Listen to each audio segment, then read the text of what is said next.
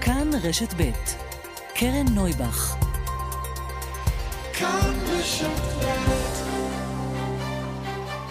סדר יום עם קרן נויבך, תוכנית אקטואליה אחרת.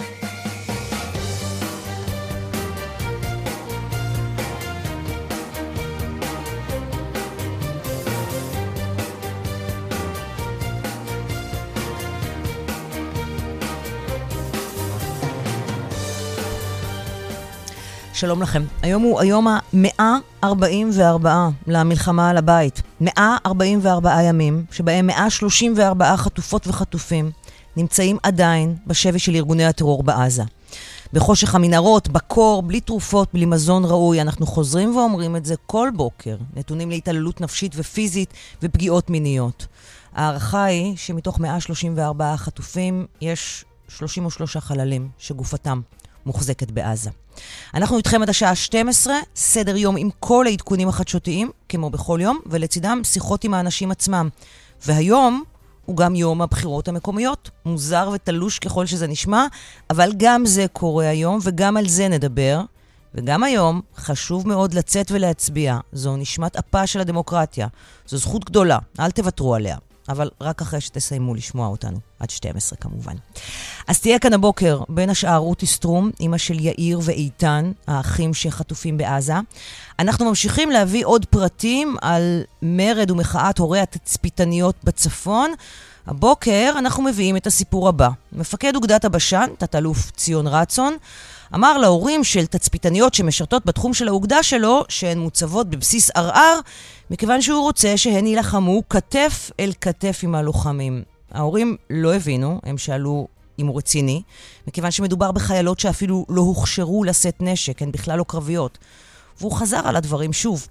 ההורים שדיברנו איתם אמרו לנו שהם נדהמו ממידת הניתוק של האוגדונר, בעיקר אחרי ההורים של ה-7 באוקטובר, בהם נפלו 15 תצפיתניות בבסיס נחל עוז. כולנו זוכרים את זה.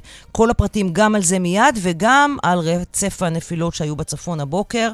כל הדברים האלה בשעתיים הקרובות של סדר יום. העורכת היא רבית לוי דמסקי, והפקה דנית שוקרון ידידיה ואביטל פיקובסקי, על הביצוע הטכני אמיר שמואלי. אנחנו מתחילים.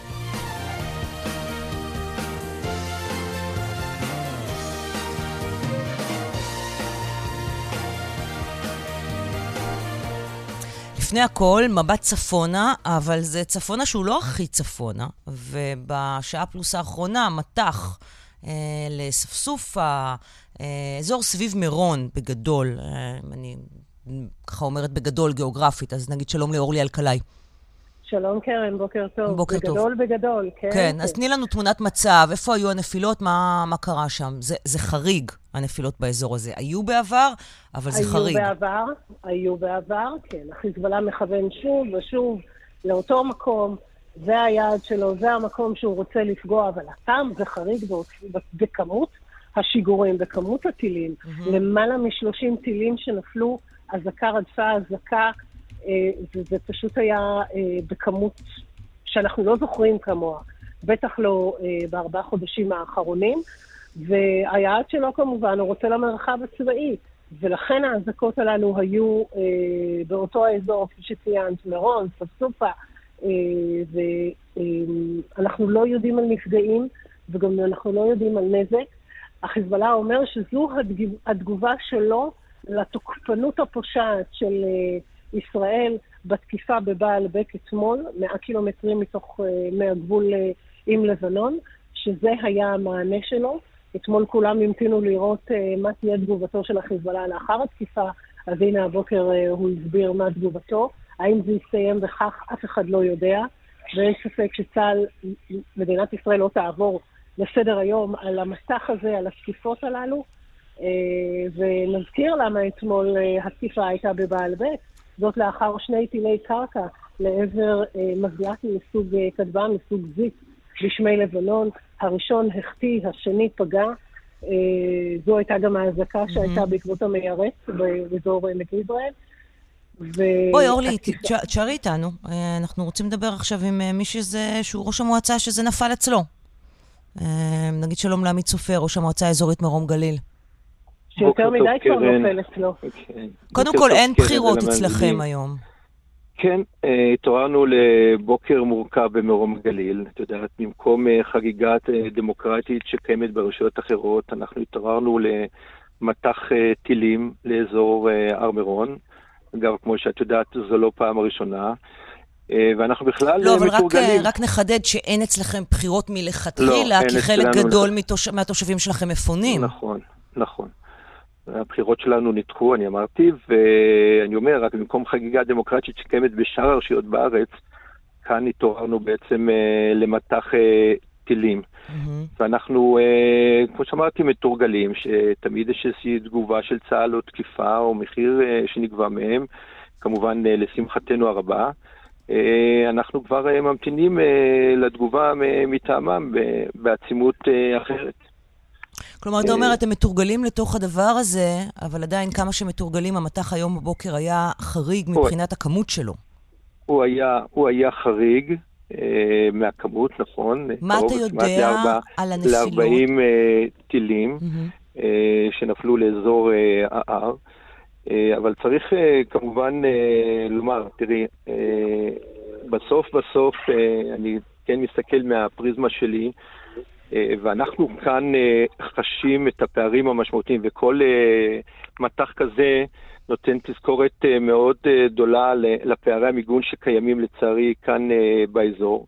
ואני אמרתי לא אחת שאנחנו פשוט מבזבזים את הזמן היקר שלנו להתארגנות, להכין את עצמנו כמובן לתרחיש המרכזי, של, שהוא תרחיש הטילים, אבל גם כרגע, באותה שגרת מלחמה, הסוכרות שמדברים עליה, את יודעת, עם הכל אפשר בשפה הישראלית המדוברת, אה, פערי מיגון מאוד משמעותיים, כמו ביישוב ספסופה, שנמצא ממש מתחת להר, וחווה טילים זה בדיוק הזמן שתלמידים וילדים יוצאים ממסגרות, אה, לאותן מסגרות, לבתי הספר, לגני ילדים.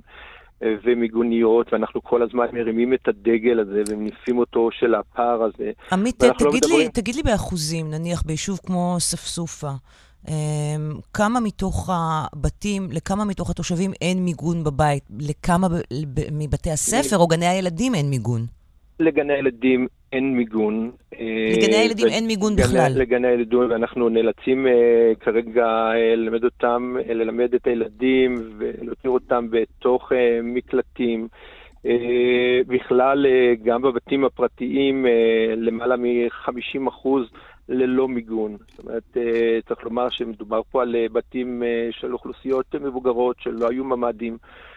וחייבים לתת מענה, ומעבר לזה, אותן מיגוניות שצריך לפזר גם בתוך היישוב. מדובר פה על יישובים שחשופים, לא אחת, זה מטח טילים שנורה לעבר הר מירון כבר מספר פעמים, וזה מאחד היישובים שנמצאים ממש בקרבת... מה משך ההתראה אצלכם, עמית? אה, אפשר לומר שזה כמעט אפס, אה, ממש כך. זאת אומרת, okay. נכון אוקיי. שבפרוטוקול מדברים על 30 שניות, mm-hmm. אבל בפועל אה, זה אפס התראה, ואני כל כך, ואני מעלה את זה כאן כרגע מולך ומאוד, ואני מעלה את זה גם מול פיקוד העורף וכל מול, מול, מול כל משרדי הממשלה.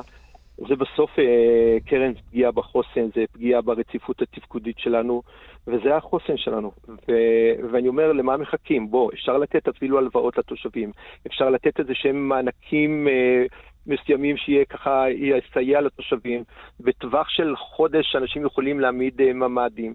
אה, מה, את אותן כבר... אה, מיגוניות ניידות, אלה שאפשר לבוא ולשים אותן... אה, גם מיגוניות שאפשר לשים אותן, וגם ממ"דים לאותם מבנים. Mm-hmm. יש לא מעט בתים, שיש את התוכנית של מגן הצפון, זה בלונג טיים. אבל אני מדבר כרגע כעת, לזמן הזה. לא מדובר פה בעלות כל כך גבוהה. בסדרי גודל, את יודעת, של מלחמה. אפשר לייצר פה איזה שהם מענקים מסוימים לאותם יישובים. אנחנו מדברים פה על מרחב כפרי, זה הרבה יותר פשוט מהמרחב העירוני. אפשר לייצר את זה, פתרנו את הפער הרגולטורי של חסמי של אה, ועדות התכנון בנייה. אז בואו נסייע להם, ואני מאמין שנוכל להעמיד את עצמנו לצמצם את הפער הכל כך כל כך משמעותי כאן. ת, ו... אה, תגיד לי, עוד שאלה, אה, אתם כבר, כולנו, חמישה חודשים לתוך הדבר הזה, אבל חלק גדול מהיישובים אצלך מפונים, וגם אלה שלא מפונים, הם, הם, הם הרבה יותר, הם מטווחים אה, בתדירות אה, לא מועטה. יש שגרה? איך הכלכלה, הלימודים, איך זה מתנהל? בדיוק העניין, נגעת בנקודה. אה, חלק מהיישובים מפונים, אבל האתגר גם היותר מורכב זה לאותם יישובים שנמצאים בטווח של החמישה, שבעה קילומטרים ולא לא מתנהלים. זה אומר שיישובים מתנהלים בצומצם, במתכונת מאוד מצומצמת, בתוך מקלטים, במשך שלוש-ארבע שעות של שעות לימוד. אה, קושי לנוע לצירים, כל הזמן, ב, את יודעת, אה, באזעקות, בפיצוצים. זו השגרה. אנשים לא יכולים לצאת אה, לעבודה כי אפשר להותיר את הילדים ללא מסגרת. וזו השגרה. אז החשיבה הייתה, את יודעת, שזה אולי זה תקופה אולי קצרה, אבל אנחנו כבר חמישה חודשים, ומה שנקרא, ואנחנו נראה מאוד, לפחות כמו שזה עולה כבר מהשיח של, של הממשלה עם ההחלטה להאריך את הפינוי mm-hmm. לעד יולי, ואולי בשיחות פנימיות יותר, אפילו יותר מאוחר, שזה הולך להיות תקופה מאוד ממושכת. ויש לכם מענה? וזה האתגר. יש לכם מענה ו... מהממשלה למה שאתה מתאר כאן? ואני אומר, לצערי, אה, כאן פחות אנחנו רואים את הממשלה, ואני מדבר תמיד, אני אומר, החוסן זה דווקא להיות גמישות. אם ממשלת ישראל, ואנחנו גם בשלטון המקומי כיד אריכתא של הממשלה, נדע לייצר פתרונות זריזים, יצירתיים, מענים שמשתנים כאן, אנחנו עלולים להפסיד את החוסן פה, וזה המקום, אה, את יודעת, שלנו, אה, גם כשלטון מקומי, אבל בעיקר של משרדי הממשלה. הם, הם קבעו מתווה של פינוי, אוקיי, מאז קפאו על השמרים, אבל מה קורה עם אותם יישובים שלצערי לא מפונים? זה האתגר הגדול. כאן צריך לראות, לתת להם את המענים המותאמים. ופה לצערי אנחנו לא מרגישים שאנחנו מקבלים את זה ממשרדי הממשלה. דיברת על האיום הכלכלי, זה יכול להיות מאוד שיישובים כאלו שהפגיעה שלהם היא כרגע מ-100 ל-0, בגלל שהם לא יישובים מפונים, אז כרגע הם עדיין לא מקבלים אפילו את הפיצול על אה, ינואר ופברואר, ואנחנו צריכים להתמודד, אגב, גם יישובים שנמצאים בטווח של מעל תשעה קילומטרים, שנמצאים באותו אתגר, שכל הכלכלה שלהם קרסה, וביקשנו לא אחת, בואו נייצר מתווה ייחודי לתיירות, כדי לתת את, את המענים. התושבים גם ככה משלמים, נאלצים לשלם ארנונה על הצימרים. פנינו גם למשרדי הממשלה, בואו תסייעו להם, בואו ניתן להם פטור לפחות מארנונה. הם לא מקבלים הכנסה כלכלית, מצד שני צריכים לשלם גם את הארנונה. ואני אומר, צר לי, נראה שכאילו בצפון חיים באיזשהו עולם מקביל אה, למה שקורה, אני אומר בזהירות, מדינת תל אביב. וצריך להבין שכאן אולי מדינת ירושלים, מ... אתה יודע, הממשלה יושבת בירושלים. אוקיי, שם מתקבלות ההחלטות. פעם אחרונה שבדקתי, לא אצל חולדאי.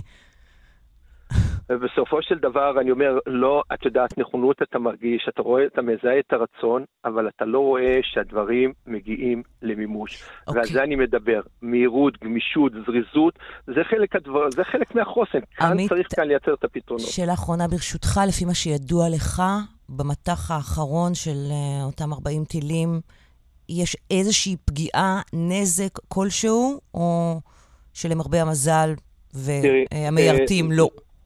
אה, למרבה המזל, כמו שאת אומרת, וגם עבודה נכונה, שירות נכון כן, של... כן, כן, בדיוק, זה לא מזל, זה מיירטים. כמובן, אין פגיעות בנפש, אבל אני אומר תמיד, אנחנו חווים את העזה וההצלמה של החיזבאללה. אבל עדיין, אני אומר בזהירות, עדיין לא מרגישים שהוא מורתע. מהצד שלנו מייצרים פגיעות, אבל האטימות שלנו, היא מנוהלת, מאופקת, אולי מתוך רצון כדי לא להגביר את uh, גובה הלהבות, אולי לא כדי להיכנס לאיזושהי מלחמה uh, כוללת, אבל צריך שהחיזבאללה יקום כל בוקר וידע באופן חלק, חד וחלק שישראל לא תסכים לפגיעה בביטחון של תושביה, לא בטווח של השני קילומטר מהגבול ולא בתשעה קילומטר מהגבול ולא בכלל, וזה הרצון. ואני אומר, ואני עדיין חש, שאנחנו אלו כאן בצפון שקמים כל יום לעוד יום של חוסר ודאות, למתח בלתי פוסק, לתעוזה והתרסה של האויב, ולצערי לפעמים גם פגיעה בחיי אדם, וכמובן ברכוש, כמו שאת יודעת, ובתחושה שאנחנו אלו שהתפנינו, ואנחנו אלו שמשלמים את המחיר. עמית סופר, ראש המועצה האזורית אה, מרום הגליל, שבשטחה היה מטח אה, מאוד כבד הבוקר, בינתיים, אה, ותודה למיירטים ולצה"ל, אנחנו לא יודעים, לשמחתנו, על נפגעים וגם לא על פגיעה ברכוש, נקווה שזה יישאר כך. אורלי אלקלעי, תודה רבה גם לך. נצא להפסקת פרסומות ותכף חוזרים. 10.23 כאן אה, בסדר יום. אכן, יום הבחירות לרשויות המקומיות. אכן, יום שידורים מיוחד. אה, אכן, כאן אצלנו פחות חדשות בתחום הזה, אבל כל חדשה שתהיה בנושא הבחירות לרשויות המקומיות אנחנו נביא, ואנחנו כמובן קוראים לכם לצאת ולהצביע מיד אחרי שתסיימו לשמוע את כל הסיפורים שנביא לכם בשעתיים הקרובות. נגיד שלום לסולימאן מסוודה, כתב התחום המדיני שלנו. שלום, סולימאן. אהלן, קרן, שלום. הפסקת אש עד יום שני בבוקר. נשיא המדינה, נשיא ארצות הברית, אה, מפטיר את זה בחצי משפט. עכשיו, כשנשיא ארצות הברית אומר משהו... והוא מזכיר את זה תוך כדי שהוא אוכל גלידה. אוכל כן. גלידה, בדיוק, כן, תמונה בלתי נתפסת. עכשיו, אה, כשנשיא ארצות הברית אומר משהו, בדרך כלל אנחנו מתייחסים ברצינות, אבל עד כמה זה מחובר למציאות שאנחנו מכירים? תראי, אני אה, שומע מהגורמים הישראלים ש... אה, שהיעד הזה שאפתני מדי, אבל את יודעת, כן, אנחנו לימודי ניסיון שבדרך כלל הברית כן, ארצות הברית מביעה אופטימיות וישראל פסימיות, וזה היה המצב גם בפעם הקודמת. אה, שבה שוחררו החטופים. הוא אגב מצטט את, אה, את יועץ המל"ל שלו, שהוא אומר, אה, הוא סיפר לי שיש התקדמות ושיש אופטימיות, ושעד יום שני הבא, הוא אומר, התקווה שלי, שעד יום שני הבא נגיע להפסקת אש. עכשיו תראי, אני רוצה להניח שנשיא ארה"ב לא סתם נוקב ביום מדויק. אה, כי בטח יש לו מודיעין אה, כזה או אחר, אבל אה, יום שני הבא, קרן, אם נסתכל רגע על, על, על התאריך, יום שני הבא זה הרביעי במרץ. אנחנו דיברנו על יעד שאפתני, אבל הוא קצת רחוק. אנחנו דיברנו על תחילת חודש רמדאן, בעשירי למרץ. Mm-hmm. אתה אומר אולי הוא התבלבל בשבוע. אני לא... תראי, הכל יכול אה, להיות. למרות שצריך לומר שג'ק סליבן, היועץ לביטחון לאומי בארצות הברית, אה, קודם כל, המשרה הזאת של היועץ לביטחון לאומי זה אחת המשרות החשובות בצוות של הבית הלבן. זה אדם... נכון. בדיוק. אה, אני לא רוצה חלילה לזלזל במל"ל הישראלי, אבל המועצה לביטחון לאומי בארצות הברית היא גוף בעל כוח, השפעה, ואנשים שמחוברים היטב היטב לנשיא, וכל כן, כן, המידע נמצא אצלם. נזכיר, נתניהו הוא הדביק את מה שהיה בארצות הברית, הוא זה שהקים את המל"ל, כי הוא ראה כן, איך זה השפעה. אוקיי, אבל בוא נחזור באמת לענייננו. אבל כן, אה, תראי, ראש המל"ל הוא שאחראי על העניינים האלה, ואני רוצה להזכיר לך שהוא קיים לאחרונה שיחות עם כל מנהיגי אה, ערב. ועדכן את הנשיא. אוקיי, okay, עכשיו, אה, אם אכן יהיה מה שיהיה, אם זה בשני הבא, או בשני שלאחר מכן, או בעשרה במרץ, שזה תחילתו של הרמדאן, אנחנו יודעים איך זה ייראה? תראי, אנחנו יודעים פחות או יותר מהי אה, המסגרת. אה, אגב, אני רוצה להזכיר לך שאת זוכרת, ביום ראשון אה, עלינו כאן בשידור וסיפרנו על המסגרת שפחות או יותר אושרה בפריז, והיום רויטרס מאשרים חלק מהדיווח שלנו, חלק שנראה לי הוא אחד החלקים הכי חשובים כרגע במשא ומתן, mm-hmm. זה מפתח השחרור. על כל חטוף עשרה אסירים פלסטינים אה, צפויים אה, להשתחרר. כלומר, אם אנחנו מדברים על כך שבחלק ההומניטרי ישוחררו כ-40 חטופים, אז כ-400 אסירים אה, צפויים להשתחרר. מדברים קודם כל על עניין השחרור חטופים מול אסירים, גם על נסיגת כוחות צה"ל. נסיגת כוחות צה"ל, לפי הדיווח ברויטרס, ממרכזי ערים, שזו נחשבת יחסית לא, לא יחסית, זו נחשבת ירידה בדרישות של חמאס. חמאס דרש יציאה של כל כוחות צה"ל מרצועת uh, עזה, הפעם uh, לפי הדיווח זה מרכזי ערים, mm-hmm. ושוב, גם בדיווח אומרים את מה שאנחנו אומרים אצלך כבר כמה ימים, שהבעיה העיקרית כרגע זה צפון רצועת עזה. צפון רצועת עזה, יש מחלוקת מאוד uh, uh, קשה שם, חמאס דורש גם את הוצאת כוחות צה"ל וגם החזרת את כל התושבים,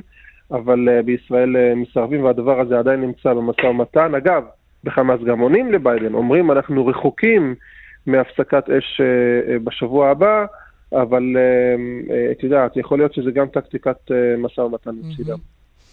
טוב, אם יהיו עדכונים נוספים, כמובן, אנחנו כאן. סולימאן מסוודה, כתב התחום המדיני שלנו, תודה רבה לך. תודה. וברצועת עזה מוחזקים כאמור גם הבוקר 134 חטופות וחטופים, שניים מהם הם יאיר ואיתן הורן. הם אחים הם, שנחטפו מקיבוץ ניר עוז, למרות שאחד מהם הוא מכפר סבא, הוא בא לבקר את אח שלו. ולפני זמן קצר דיברנו כאן עם רותי סטרום, אימא של יאיר ואיתן הורן, שחטופים בעזה. שלום לרותי סטרום. שלום, שלום, קרן. אימא של איתן ויאיר הורן. שניהם נכון. חטופים בעזה. כבר הרבה כן. הרבה יותר מדי זמן. כן, נכון. איפה מתחילים? איך עוברים כל כך הרבה ימים על אימא? זה נורא נורא קשה. האמת ש... כשהכל התחיל חשבתי שתוך כמה, כמה שבועות נהיה אחרי זה, והזמן עובר, הזמן עובר, ולא קורה כלום. התחילו לצאת כל הנשים והילדים. שמחתי, שמחתי מאוד על כל אחד אחד שיצא, על, על המשפחות שלהם שקיבלו אותם בחזרה, וחשבתי שאוטוטו ממשיכים עם הגברים. לצערי זה לא קרה. וזה נורא קשה, נורא קשה לקום כל בוקר ולחשוב שאני בחלום, חלום זוועתי, שאני לא רואה את הבנים שלי, שאני לא שומעת כלום עליהם, שאני לא יכולה לחבק אותם, ש... שהם אינם לידי, אבל הם, הם איתי בלב. מה את יודעת על החטיפה עצמה ועל מה שקרה אחרי? על החטיפה עצמה אני כמעט וכלום לא יודעת, כי אה, ברגע שזה קרה והצבא הגיע לקיבוץ אחרי הצהריים, התחילו לבדוק אה, דירה-דירה, ושם מסרו לנו את הבשורה הנוראית שהם לא בבית. אבל uh, הדירה, בדירה לא הייתה אלימות ולא היה דם, אבל לא ידעו איפה הם. Mm-hmm. הם, uh, יאו והאיטו שלי היו נהדרים עד ה-25 לנובמבר, שמה הודיעו לי ששניהם בחיים. אבל אני לא, סליחה, אני לא יודעת כלום איך, איך לקחו אותם ביחד, לא ביחד, כלום, כלום אני לא יודעת. את יודעת על סמך מה הודיעו לך שהם בחיים? אה, הודיעו לי גם בגלל הנשים שיצאו, כלומר, הם, הם ראו אותם. כן, כן, כן, כן.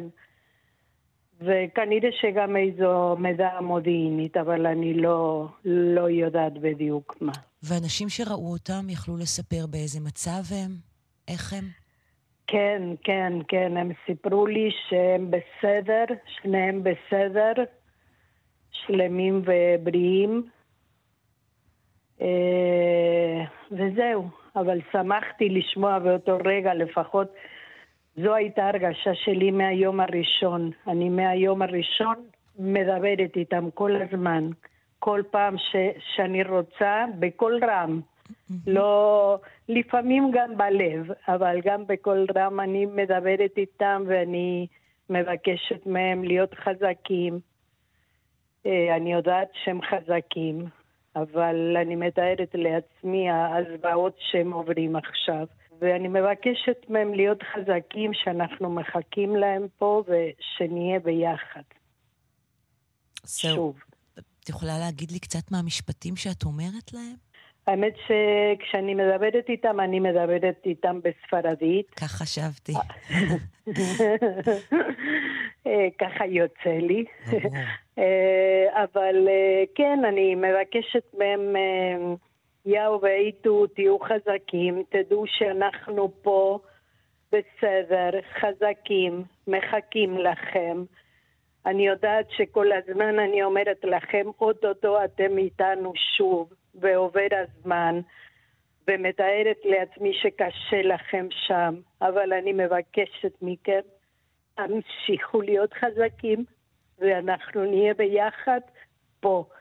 אני מחכה לכם, עמוס, דליה, גלי, אריאל וברנרדו. המשפחה. נכון, נכון, עמוס זה הבן האמצעי שלי, דליה, וגלי ואריאל הם הנכדים, וברנרדו הבן זוג שלי. אנחנו מקליטות את השיחה הזאת כי בזמן של התוכנית את uh, הולכת לקלפי. נכון. לקלפי שבה איתן אני- היה כן. אמור להצביע. ספרי לנו על זה. אה, זה אותו מקום איפה שאני הולכת להצביע, אה, ו... אה, זה, מצד אחד מאוד מרגש שיש אנשים שחושבים איך לעזור לנו, איך לעזור לכל החטופים, ושמים אה, שולחנות בחוץ כדי שכל אחד ידע מה קורה עם החטופים. כל מי שמגיע לקלפי יראה את התמונה של איתן וידע שאיתן צריך להצביע שם. אה, ואני אדבר איתם, אני אדבר איתם, אבל אני בקשר ממש כמעט יומי עם המטה פה בכפר סבא, אנשים מדהימים שמחזקים אותי, מחבקים אותי ועוזרים לי להמשיך הלאה. אם עכשיו את יכולה לדבר עם אה, נתניהו או גלנט, או גנץ, מה את אומרת להם? אני נורא שמחה שגנץ בממשלה, אני יודעת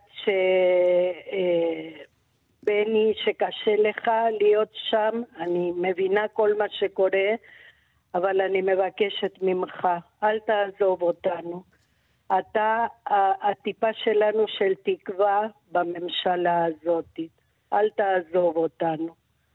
ולביבי הייתי אומרת, ביבי, אתה יודע, גדולה של בן אדם זה להגיד, טעיתי, ולעשות משהו ולהחזיר את כל החטופים. תחשוב מה היה קורה לך אם הבן שלך היה שם. תפסיק לחשוב פוליטיקה ותחזיר את יאו שלי, את האיטו שלי ואת כל החטופים בחזרה. את יודעת, אנחנו כל הזמן אומרים חטופים, חטופים. תספרי לנו קצת על uh, יאיר ועל איתן, יאו ואיתו, כמו שאת קוראת להם, שנכיר אותם. אנ- אנחנו רואים את התמונות שלהם, אנחנו גם משודרים בטלוויזיה הרי, ואני אני מהיום הראשון שראיתי את התמונות שלהם, שני גברים חייכנים, חזקים. נכון, נכון. אז תספרי לנו נכון. קצת. הם אה, שניהם אוהבים את החיים, בנים מצוינים, אחים מדהימים, שלושתם הם אה, כמו גוש אחד, ככה אני גידלתי אותם והם הגאווה שלי. יש להם המון חברים, בכל מקום איפה שהם הולכים, הם משאירים את החותם שלהם. אה, יאו בקיבוץ הוא תושב, הוא לא חבר קיבוץ, אבל הוא כל כך מעורב בהכל, שמקבלים אותו כמין חבר בקיבוץ. הוא הדוד של הקיבוץ, כל הילדים אוהבים אותו. אה, איתן גם בכל מקום שהוא נמצא, אה, נגיד העבודה האחרונה שלו הייתה במחנות העולים, וכל האהבה שאני מקבלת מהילדים האלה, מהנוער, מהמחנות העולים, שמדברים עליו, שכל מה שהוא עשה בשבילם. אה, הוא עבד בהדסים, בכל מקום, בכל מקום. עכשיו אה, אני יודעת מי הם הבנים שלי, אבל עכשיו אני שומעת כל כך הרבה דברים עליהם. אנחנו בדרך כלל משפחה צנועה שעושה ולא לא רוצה לדבר על מה שהיא עושה. אבל פתאום עכשיו האנשים צריכים לספר לי, באים לספר לי ועל שניהם, והם הגאווה שלי. רותי סטרום, אימא של איתן ויאיר הורן, שחטופים בעזה, אני מאוד מאוד מודה לך שדיברת איתנו היום, ומקווה ומתפללת לך. איתך שהם יחזרו, שתוכלי לחבק אותם כמה שיותר תודה. מהר. תודה, תודה. המון המון תודה לך, קרן. את כולם. שנתת לי את האפשרות, ולכם. תודה רבה. תודה. ביי, המשך יום טוב, בשורות טובות. אמן. ביי, ביי. 10.41 כאן uh, בסדר יום. אתמול uh, הבאנו כאן בפרסום ראשון את uh, מחאת הורי התצפיתניות. אפשר לקרוא לזה מרד הורי התצפיתניות. הורים לתצפיתניות, לתצפיתניות שמוצבות בצפון, לא מוכנים שהם יעברו לבסיס ערער שנמצא בגזרת חרמון. בגלל רצף של אירועים ביטחוניים שהיו שם במקום. אומרים שהחיילות עצמן מפוחדות, מרגישות שהן לא מוגנות, וההורים בעיקר, אמרנו, ונחזור על זה, זה בעיקר משבר אמון. כי הרי לכאורה, מה להורים ולהצבת ילדיהם בצה"ל? צה"ל עושה מה שהוא רוצה, וההורים, אין להם זכות דיבור. גם לחיילים אין זכות דיבור. אבל הסיפור הזה וההמשך שלו, שנביא אותו היום, מלמד יותר מכל על עומק משבר האמון בין אזרחים לבין צה"ל, ובמקרה הזה בין הורים לחיילות, ובעיקר לתצפיתניות, לבין צה"ל, הגדול, החזק, זה ש... היינו רגילים מאוד לסמוך עליו. שלום לפרשנית שלנו לענייני צבא וביטחון, כרמלה מנשה. שלום, קרן. אז אנחנו נפתח אה, בסיפור הבא, אה, שאנחנו מביאות כאן הבוקר, על אה, שיחה שהייתה בין מפקד אוגדת הבשן, שהוא תת-אלוף ציון רצון, שזאת האוגדה שחולשת על האזור הזה, אה, שהיה בשיחה עם הורים של תצפיתניות שמשרתות בערער. שזה בגזרת החרמון, מוצב בגזרת החרמון, אמ, ושההורים של התצפיתניות שאלו אותו למה הן מוצבות שם, למה הן לא מוצבות בבסיס פנימי יותר, למה הן צריכות להיות על הגבול בעצם, בסוג של חזית באזור לחימה. הוא אומר להם, כרמלה, שהוא רוצה שהן יילחמו כתף אל כתף עם הלוחמים. כן, אנחנו מדברים על uh, תצפיתניות שהן 0-2, או במקרה הטוב 03, או ב-03, שלא רוצים לתת להם נשק, הם ממש יכולות להילחם כתף אל כתף עם לוחמי גולני ולוחמים אה, של... אה, לוחמים שנמצאים איתם, שהם 07 או 06 או 08, אה, רובעי, אין להם מושג בלחימה. ותשובה קצת... אה, הם לא הוכשרו מעולם ללחימה, נכון? כל... לא, הם גם, תראה, הן צריכות לפחות להיות מוכשרות, לפחות להיות מוכשרות לשאת נשק. והן לא הוכשרו לשאת נשק. הן לא הוכשרו לשאת נשק, והן יכולות לשאת נשק, והן צריכות לשאת נשק, והן... אני חושבת שזה חשוב. לא, את אומרת הן יכולות במובן, את אומרת עקרונית, מקצועית, את, את אומרת צריך לאפשר להן לשאת נשק ולהכשיר אותן לא לככה, אבל לא, במצב לא. הנוכחי הן לא יכולות לשאת נשק, אין להן הכשרה. אין להן שום הכשרה, הן לא מכירות, הן יעשו טירונות. אנחנו כולנו יודעים מה זה טירונות, איזה הכשרה בסיסית, הכי בסיסית, להחזיק נשק. צריכות לעשות uh, מדי פעם uh, עוד ועוד uh, הכשרה, עוד להכשיר את עצמן ל, ל, ל, לעניין הזה, וזה, וזו תשובה שהיא, תשובה שבאמת, את יודעת, כנראה שאין מה להגיד, אז זה מה שאומרים. רק נאמר ונחדד בהקשר הזה, שההורים היו בהלם, והם שאלו אותו, אמרו לו, את רציני? כי כמו שאמרת, ופירטת הסבר את אה, היעדר ההכשרה הקרבית שלהם, אז הוא חזר על הדברים שוב.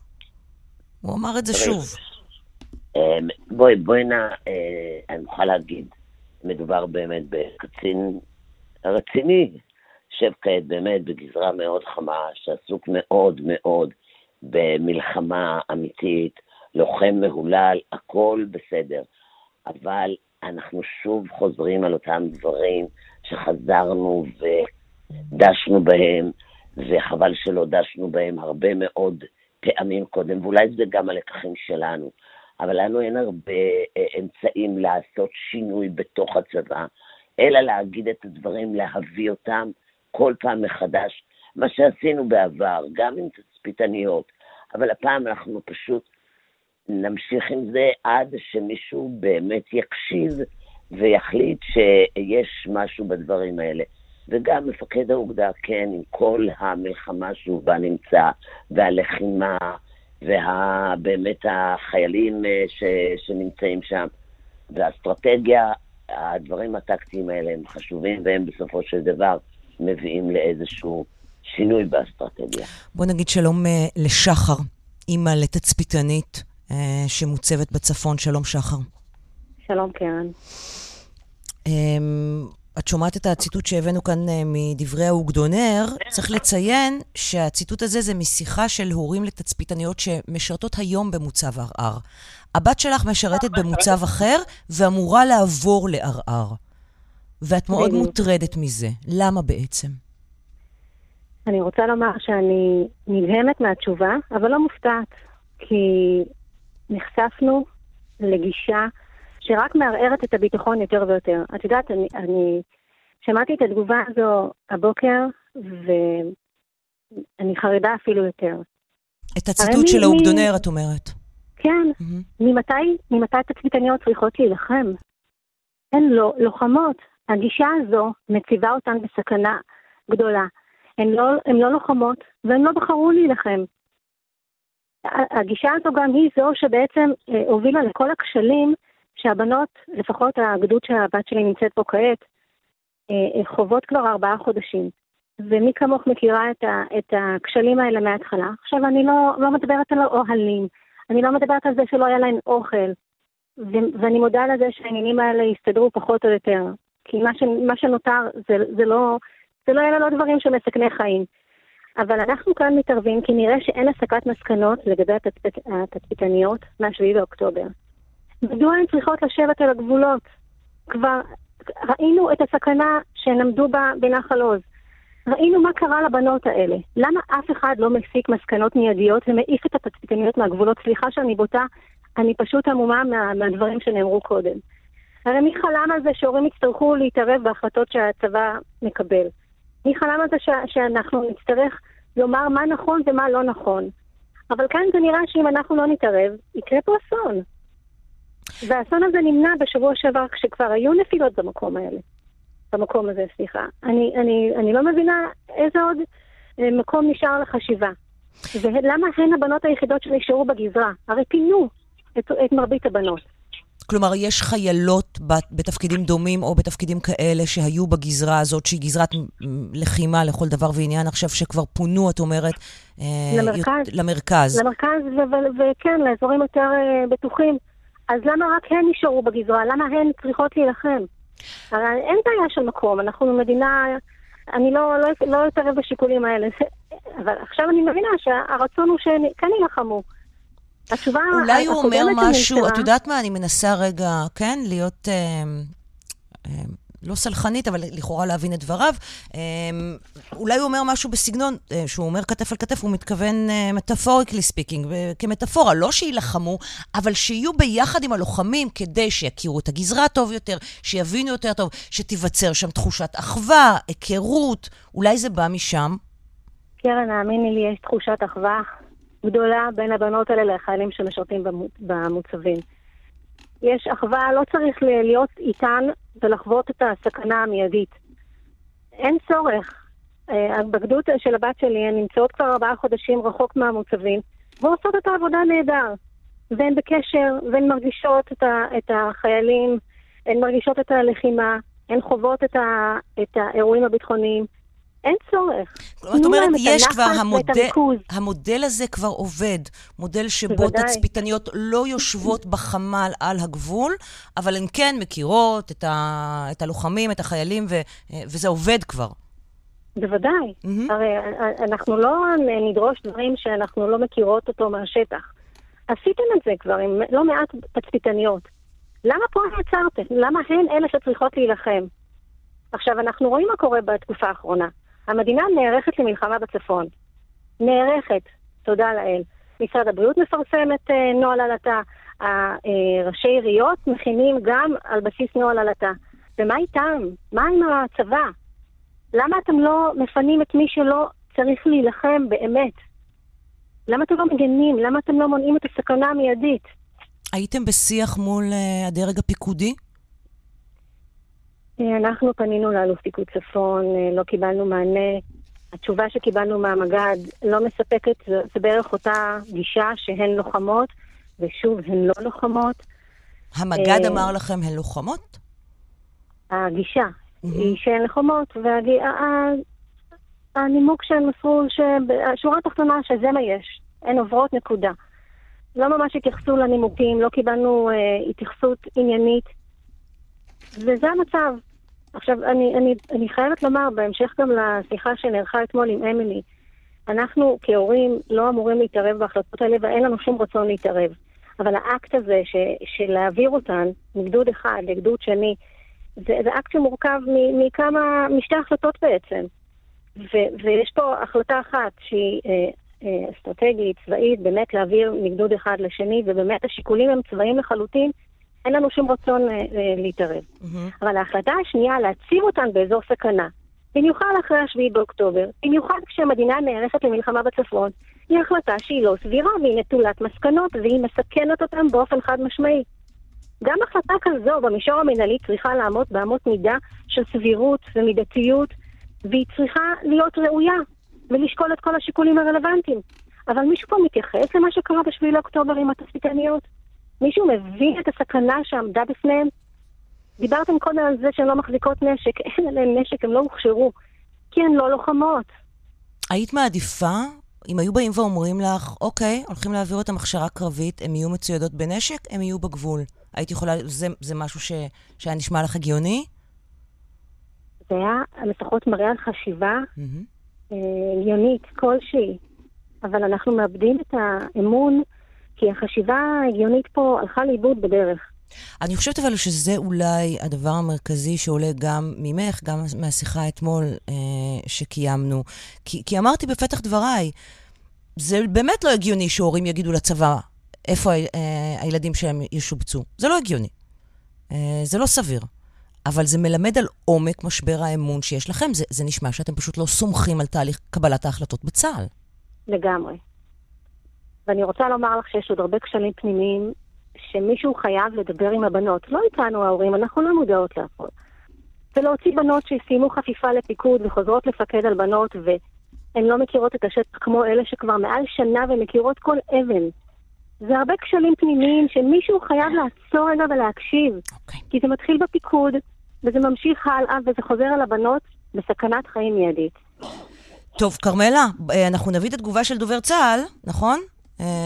תביא, אין כאן שום דבר חדש. אין כאן שום דבר, אבל אני אביא אותה כי צריך. תגובת דובר צה"ל במחנה ערער משרתות תצפיתניות גם בימים אלו כמו בעבר. בהתאם לשיקולים המבצעיים הוחלט על שינוי ארגוני של גדודי האיסוף בצפון, במסגרתו הוסבו מספר תצפיתניות מגדוד אחד לגדוד אחר והוצבו בערער. צה"ל רואה חשיבות רבה בחיבור בין, התצפית, בין התצפיתניות למערך הלחימה בשטח.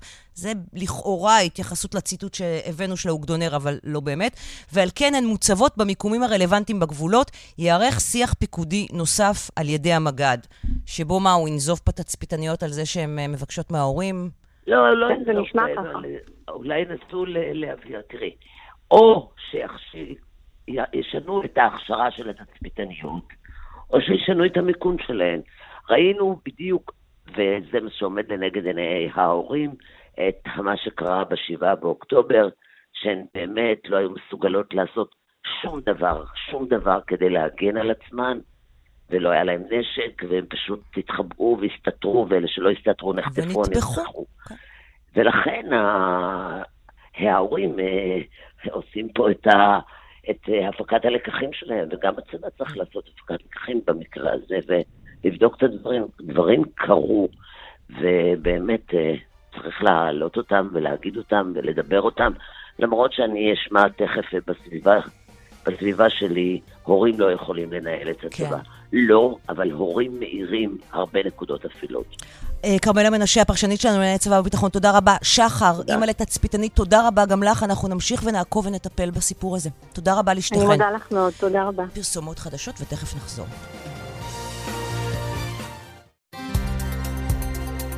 כאן רשת ב' קרן נויבך. כאן רשת ב' סדר יום עם קרן נויבך, תוכנית אקטואליה אחרת.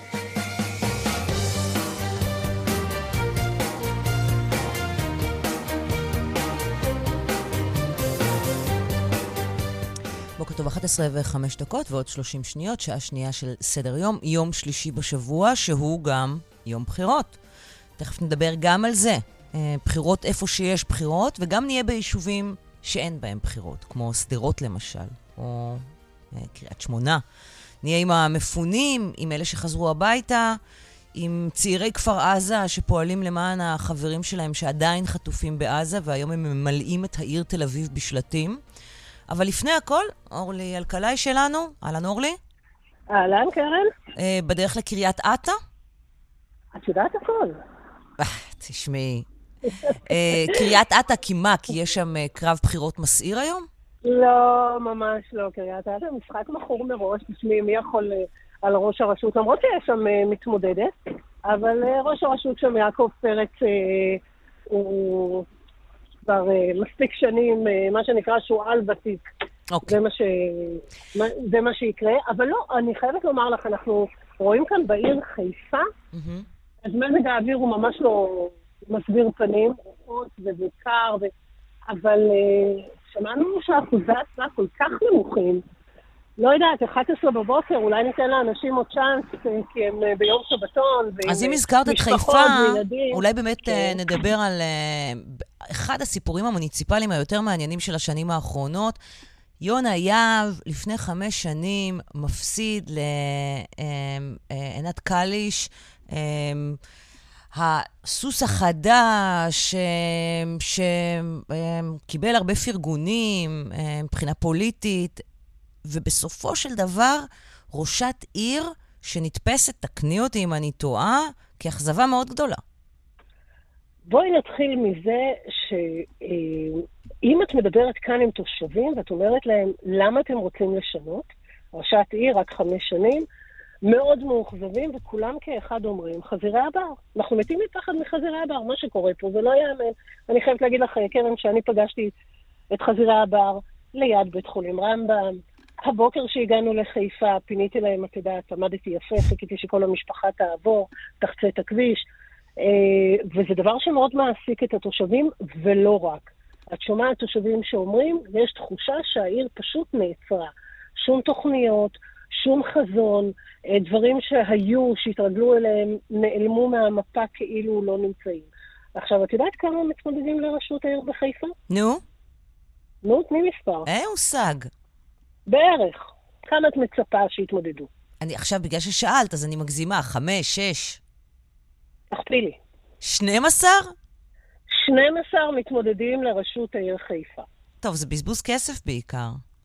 בעיקר, וגם להביא, את יודעת, לסיבוב שני, mm-hmm. מן הסתם, כשזה מתחלק בכל, בכל כך הרבה אנשים.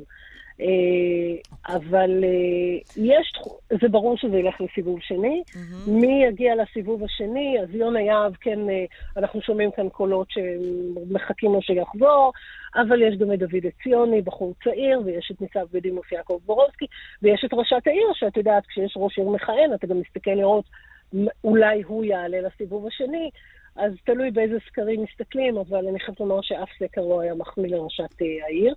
אז בחיפה מאוד מאוד מנומנם, מאוד שקט, אה, לא רואים אה, הרבה אנשים ליד הקלפיות, אבל אולי זה ישתנה במהלך היום.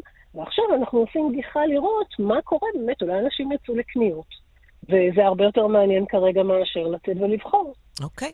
אה, ורק נאמר שכמובן אה, בצפון המפונה, כן, בכל לא הצפון מצביעים. המפונה לא מצביעים, וגם בצפון החלקית מפונה, למשל מרום גליל, דיברנו מקודם עם עמית סופר, גם לא מצביעים. כלומר, יש חלקים לא קטנים... אה, אה, יש הרבה מאוד רשויות שאין הצבעה. שאין נכון, הצבעה היום, והבחירות בחירות. שם יהיו בנובמבר אה, בגלל המלחמה. טוב, אורלי, אני מאוד מקווה שלא יהיו טילים ולא יהיו אירועים ביטחוניים בשעה אני הקרובה. חושבת שהספיק לנו בבוקר. חד משמעית הספיק לנו. אה, וצה"ל נותן תגובה כרגע לפי מקורות לבנונים באזור צידון ובאזור נבטיה, בעקבות ה-40 שיגורים לעבר מירון. אה, נקווה מאוד שבאמת אה, בצפון יהיה שקט. אורלי, תודה רבה לך. תודה. שלום ליואב קרקובסקי. שלום קרן, בוקר טוב. בוקר טוב, פרשן הבית שלנו. אז אלה באמת בחירות uh, מוניציפליות חריגות מאוד, לא שגרתיות. הרבה אנשים שדיברתי איתם לאחרונה אמרו, למה לא דחו אותם? אפשר לחשוב, היינו מסתדרים עוד חצי שנה עם ראשי העיר הנוכחיים, לא היה כל כך גרוע, לא היה כזה נורא.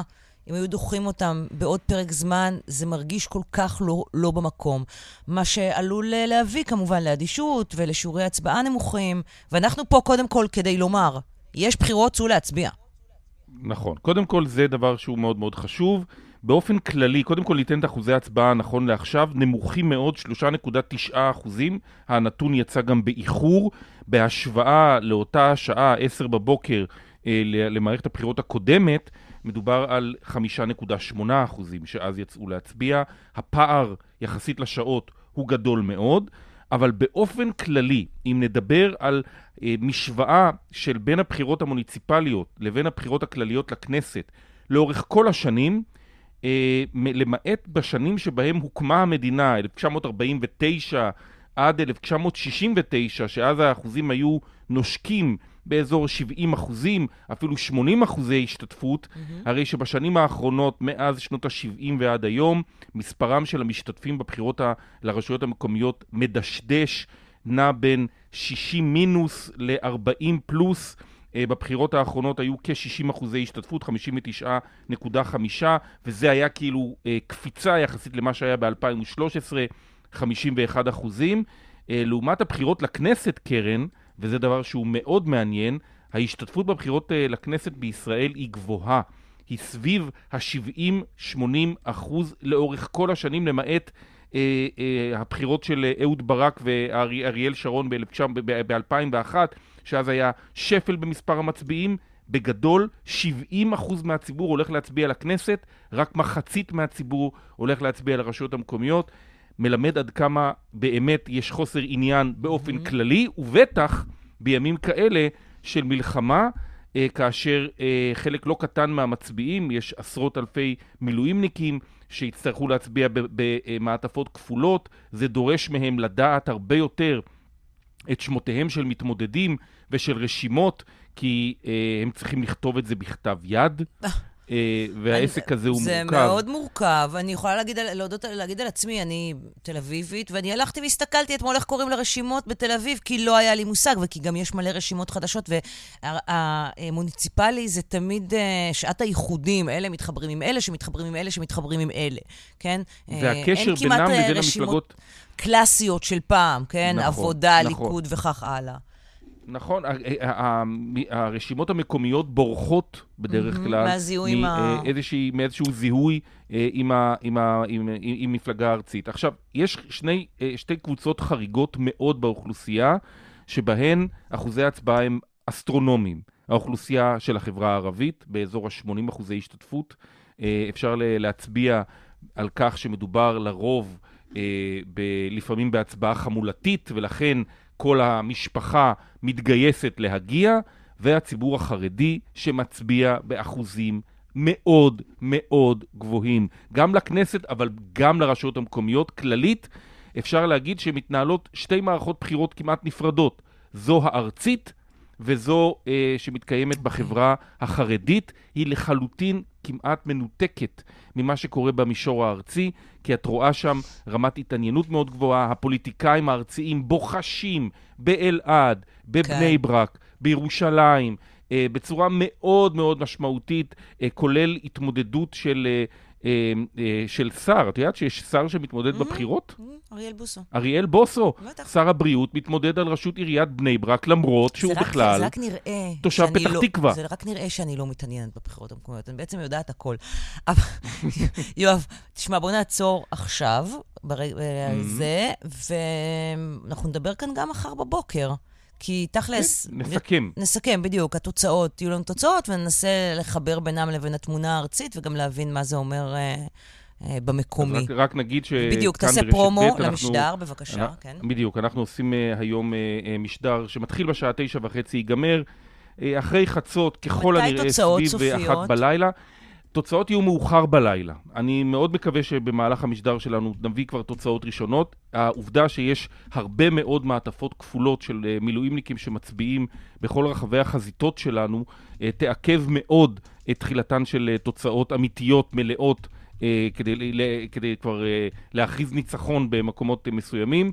מחר ב-11, 12, אולי אפילו ב-10 בבוקר אצלך בסדר יום כבר יהיו, תהיה תמונה מתוך 258 הרשויות, נוריד כמובן את רשויות הצפון והנגב המערבי שבהם לא מתקיימות אה, אה, בחירות, אה, ברוב המקומות כבר נוכל לתת תמונה איזושהי מחר במסגרת הזאת. יואב, תודה רבה.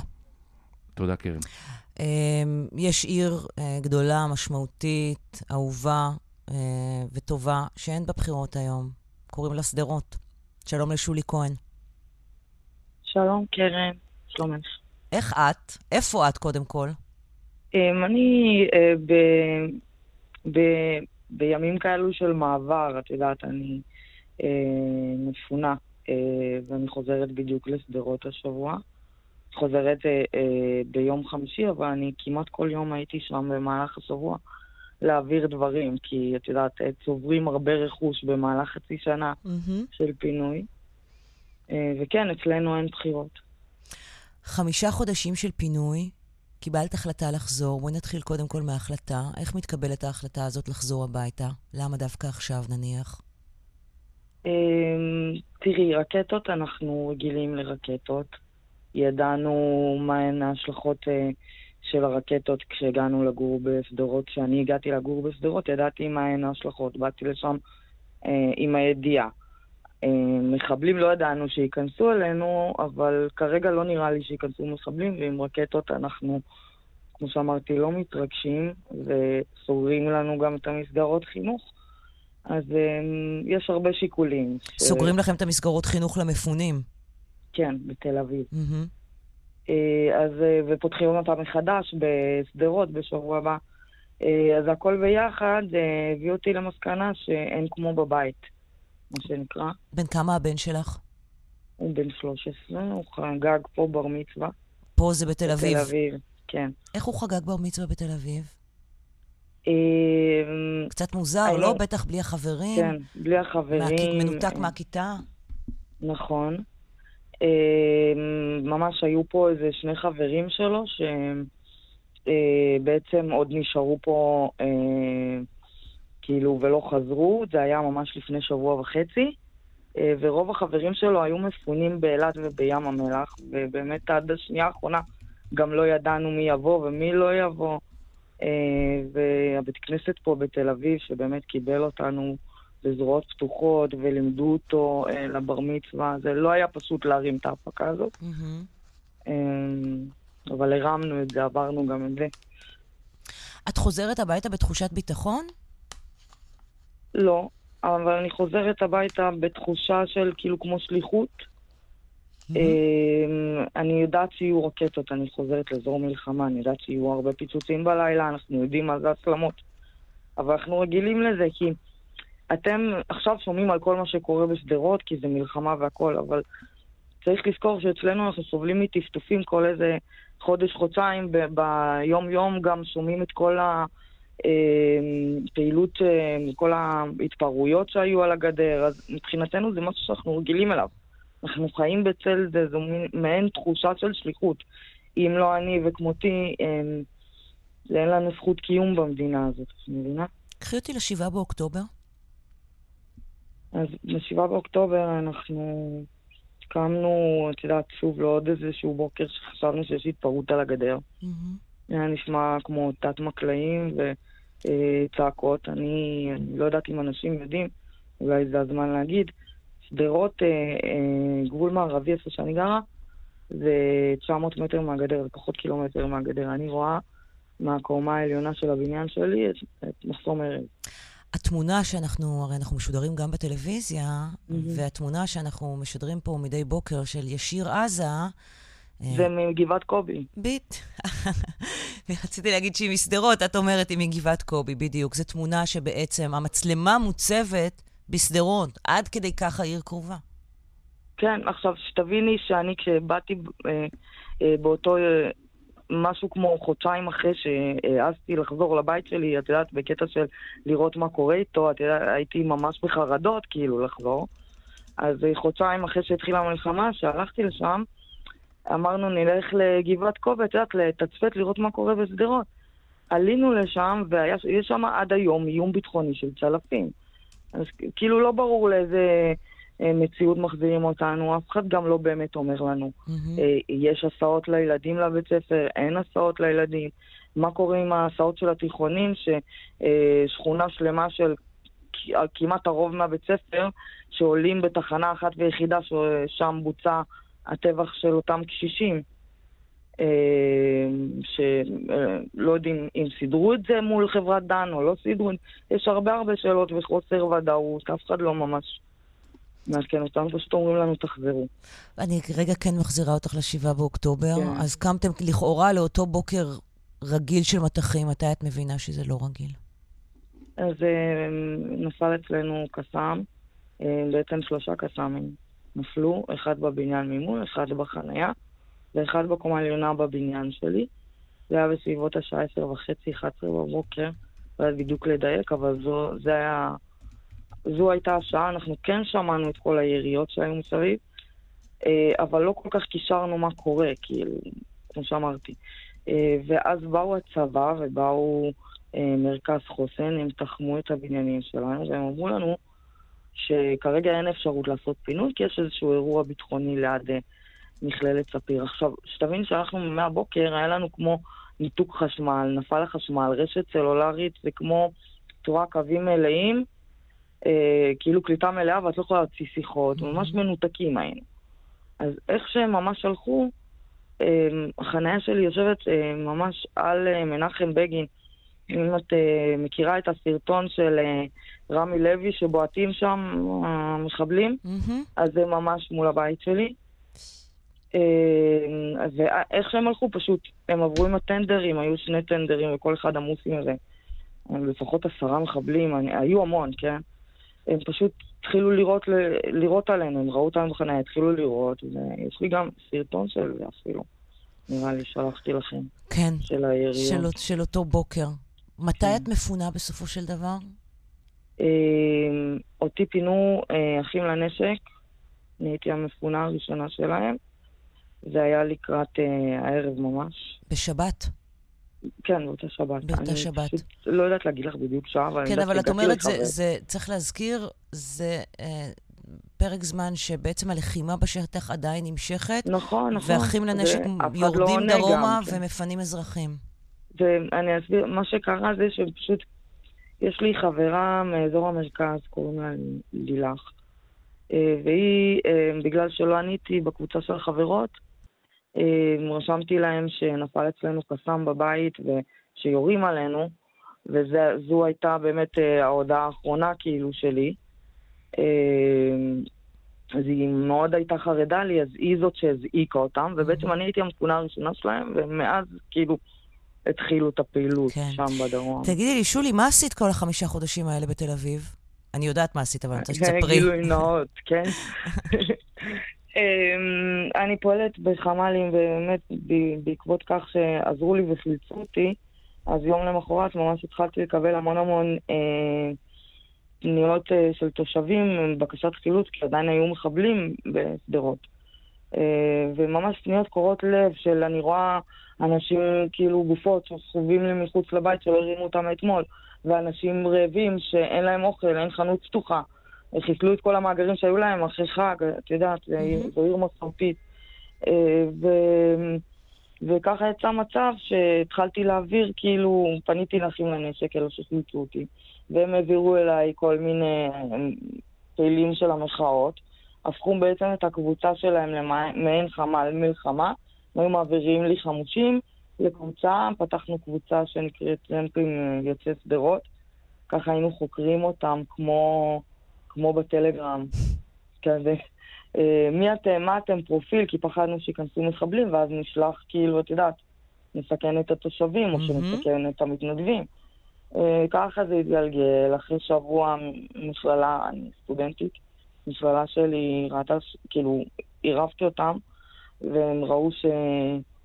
אה, יש, כאילו, שיש לי עומס, ואנחנו היינו כמה סטודנטיות שעונות לטלפון. ספיר, כן, אה, בספיר. ממכללת ספיר, כן.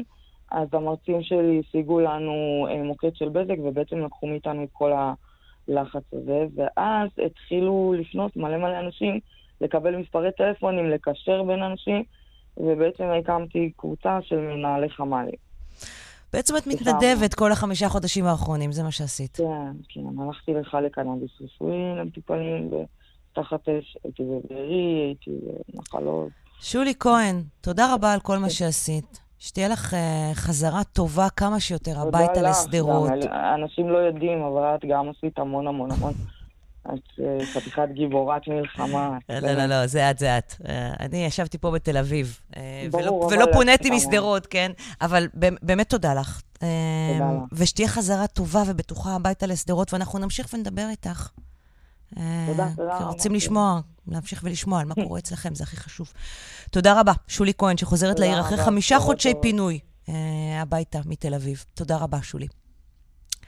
ושלום לגיא יעקבי, שלום קרן. שלא חזר עדיין לכפר עזה, נכון? לצערי עדיין לא. איפה אתה עכשיו? אמ, אני בבני ציון, אה, אצל מישהי מדהימה שמארחת אותי כבר אה, ארבעה חודשים. אה, ומנסה להיות כמה שיותר קרוב לשפיים לקהילה של הקיבוץ בעצם, כי זה, זו העבודה החדשה שנגזרה עליי. בשבעה באוקטובר לא היית כאן. נכון.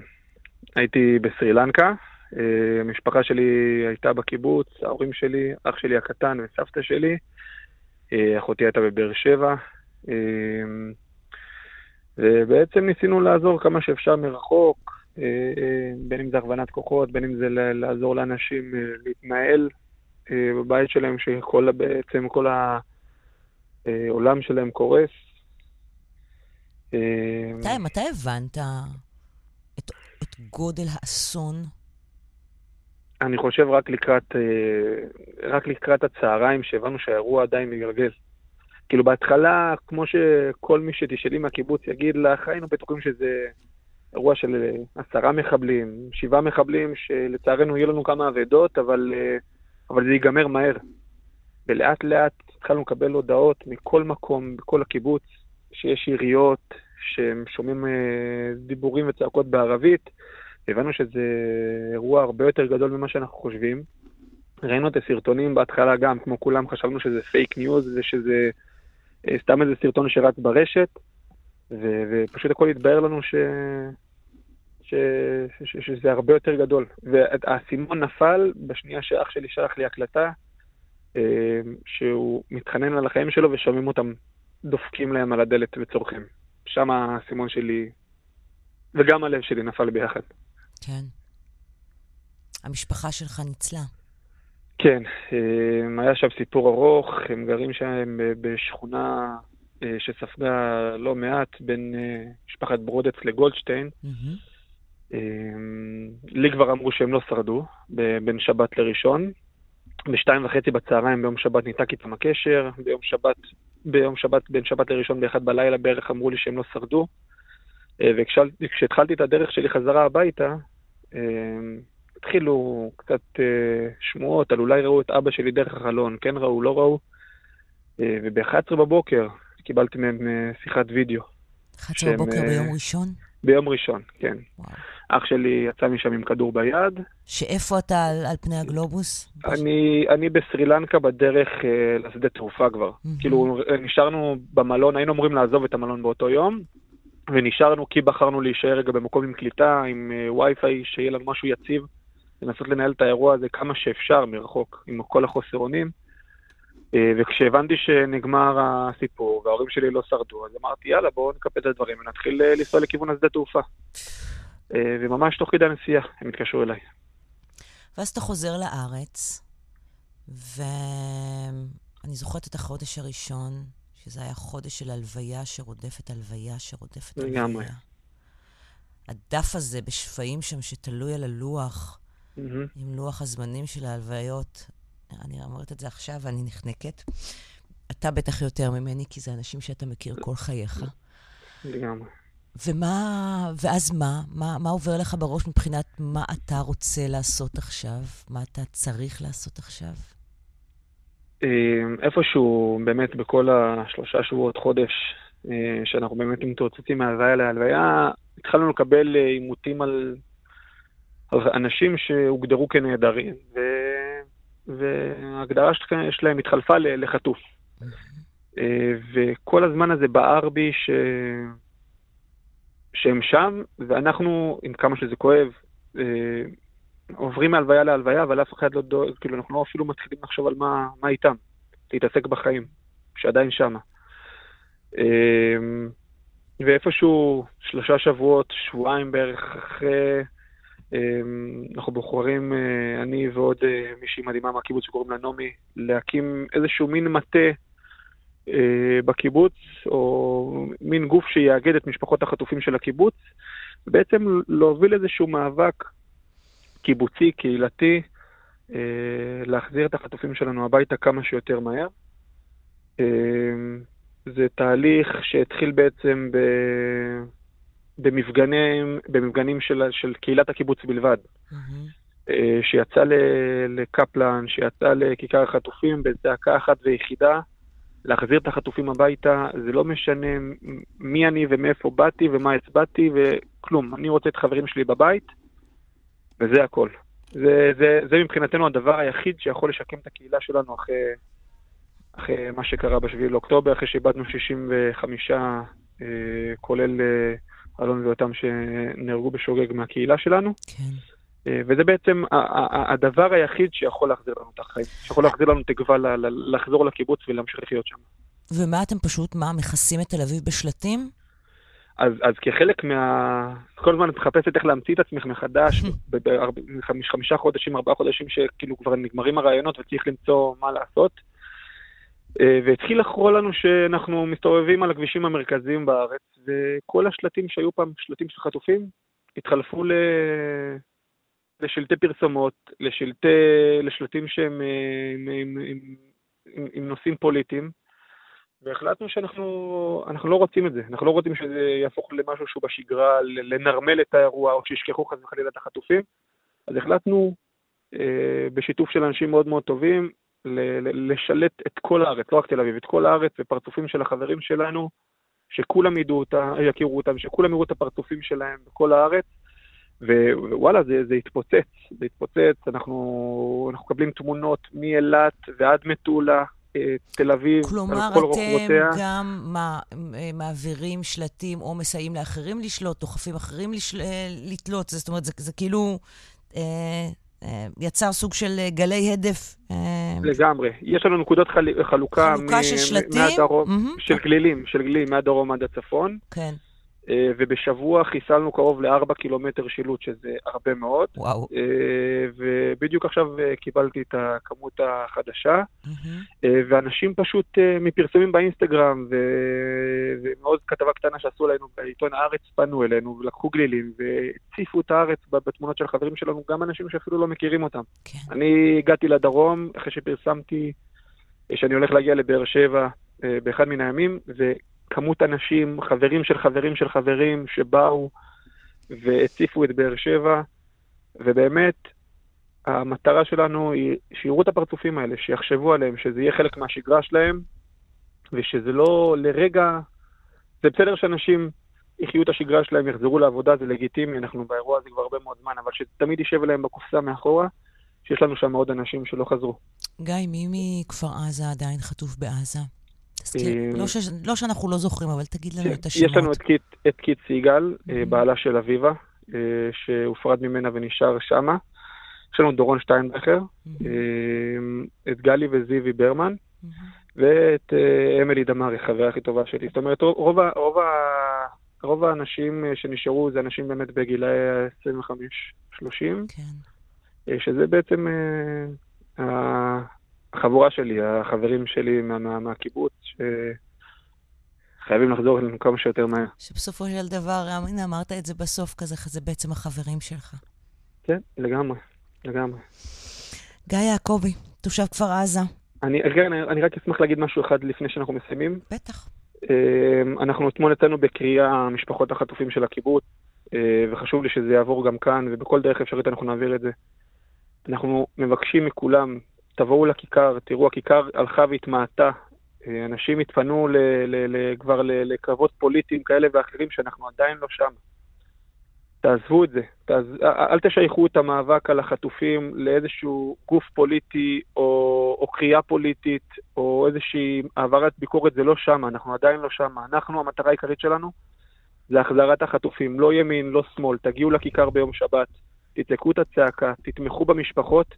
תעזבו את כל הקריאות, הש- ההפקרה, הבושה, העסקה מופקרת מימין ומשמאל, תשאירו את זה בבית. תבואו לשעה וחצי נטולי פוליטיקה בכיכר, תחזרו הביתה לעיסוקכם.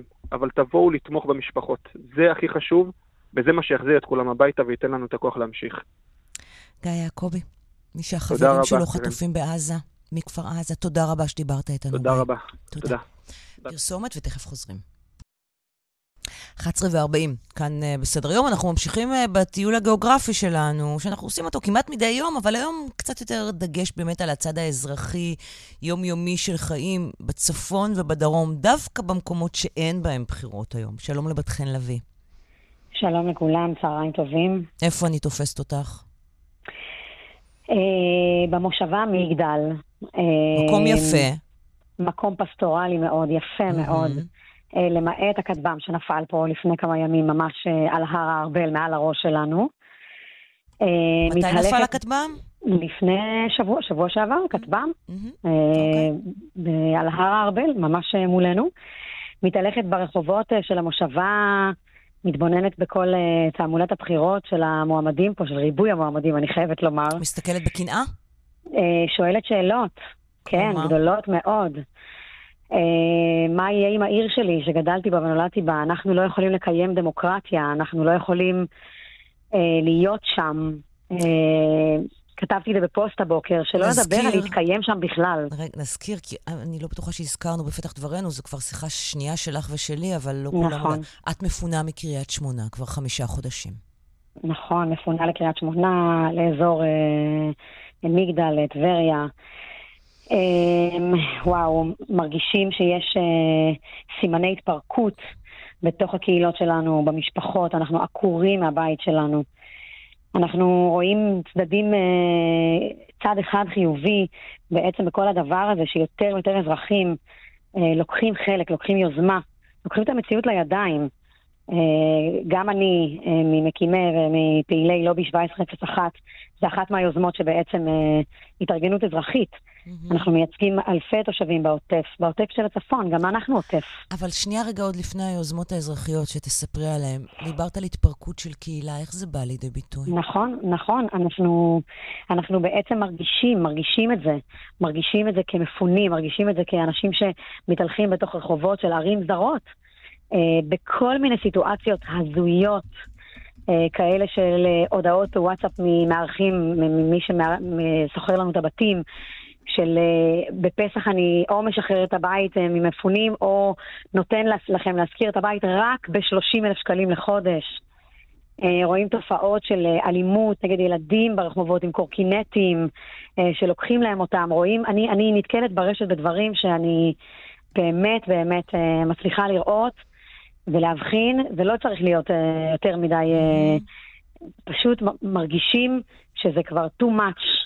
זה too much עלינו המפונים. שאנשים פשוט זה- לא מצליחים לעמוד בזה. נפשית, להכיל את זה, להכיל זה את כבר זה. יותר מדי.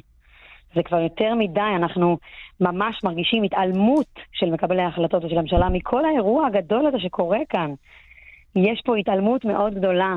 מתי, אה, מת, מתי יבינו שאנחנו לא יכולים להיות רצועת ביטחון בתוך שטח ישראל, על חשבון התושבים? מתי יבינו שצריך שתהיה פה איזושהי אמירה? מישהו מדבר איתכם? אף אחד. אף אחד. אני אמרתי מקודם שהאזרחים... אה, וואו, אנחנו רואים אותו מופיע בפייסבוק, אנחנו רואים אותו בחדשות, נותן באמת את הקול שלו ואומר שהוא, הוא אמר, אני מצטטת אותו, על גופתי המתה, האזרחים לא יחזרו לקריית שמונה. אבל אנחנו בינתיים, איך אמרת, חמישה חודשים, ואין לזה שום אופק. להפך, כנראה מעריכים לכם את הפינוי עד יוני.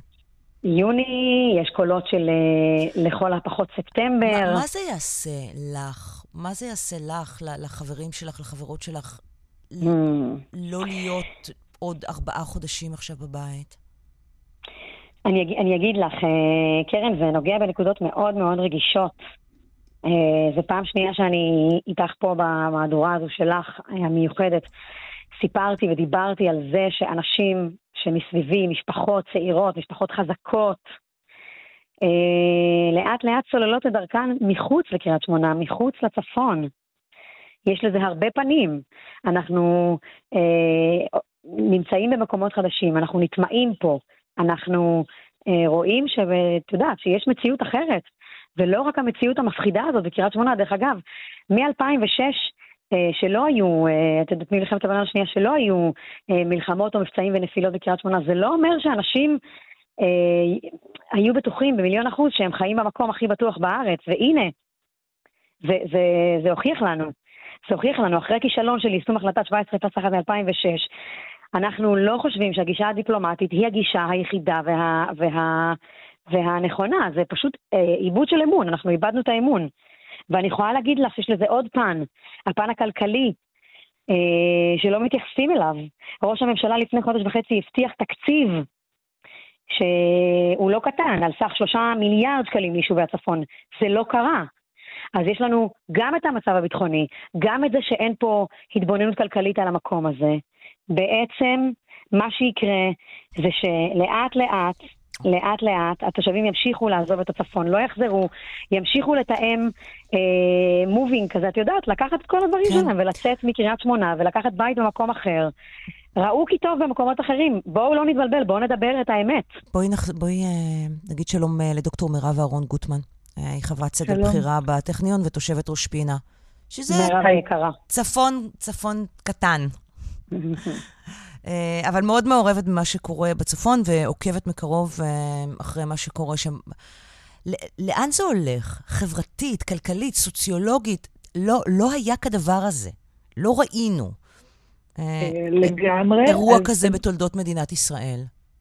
לגמרי, אז אני אגיד שאני כאן אה, בכובע אולי משולש, גם הקמנו קבוצת מחקר בטכניון שקוראים לה הביתה, שעוסקת במחקר ולהביא ניסיון מכל העולם אה, בנושא של חזרה של אנשים לאזורים אחרי מלחמות ואחרי אסונות. אה, אני גם תושבת הגליל, נולדתי וגדלתי בקריית שמונה, אני גרה היום בראש פינה, וגם אנחנו ביחד חברות בלובי של 1701, ואם אני ככה לוקחת את שלושת הפוזיציות האלה, אני רוצה אולי לשתף במחשבה הבאה.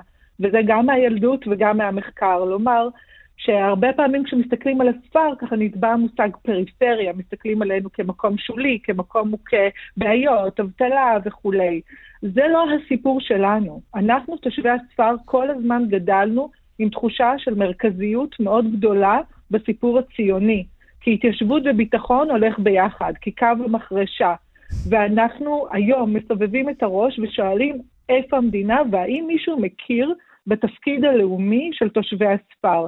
התושבים כאן חושבים בצדק שהם הססמוגרף של המצב, שהם התצפיתנים של, והתצפיתניות, שבעידן של בורות הם בנק הידע, אנחנו בנק הידע הגיאופוליטי של האזור.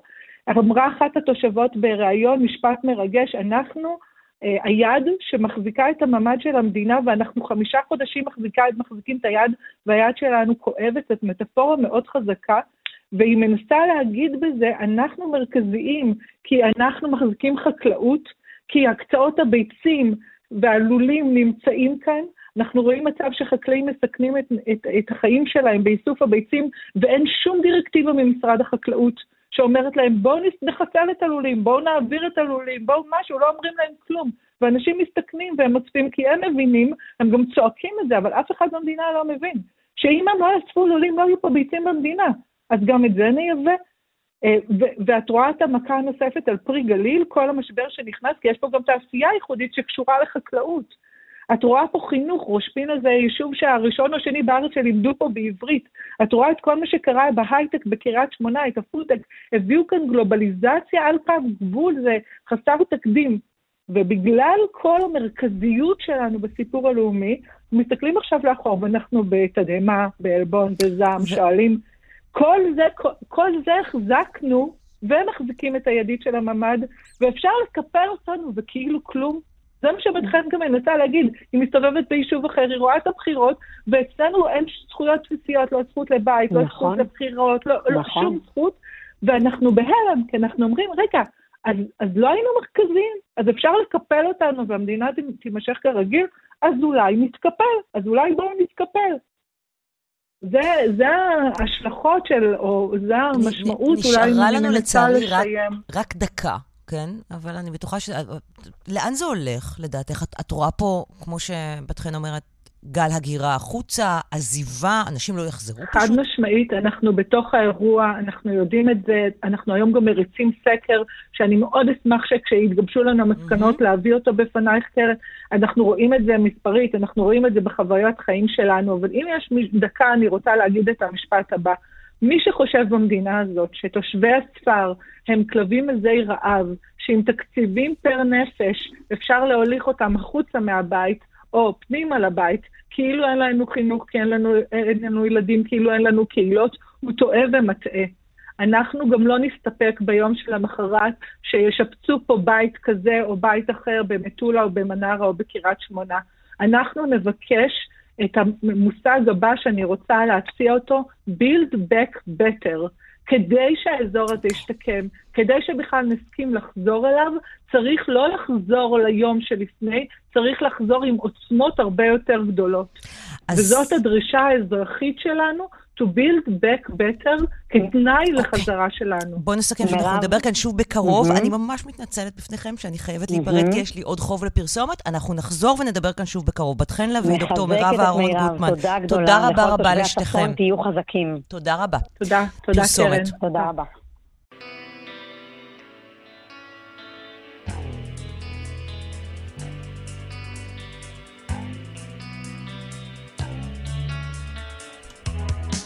אנחנו uh, כמעט וסיימנו, נגיד תודה לעורכת רבית לוי דמסקי, בהפקה יהודנית שוקרון ידידיה ואביטל פיקובסקי, בדיגיטל משי אלמקייס וחידו אבו לבן, על הביצוע הטכני אמיר שמואלי ושרון לרנר, תודה רבה לכם שהייתם איתנו בשעתיים של סדר יום. מיד אחרינו יומן הצהריים עם אסתי פרז.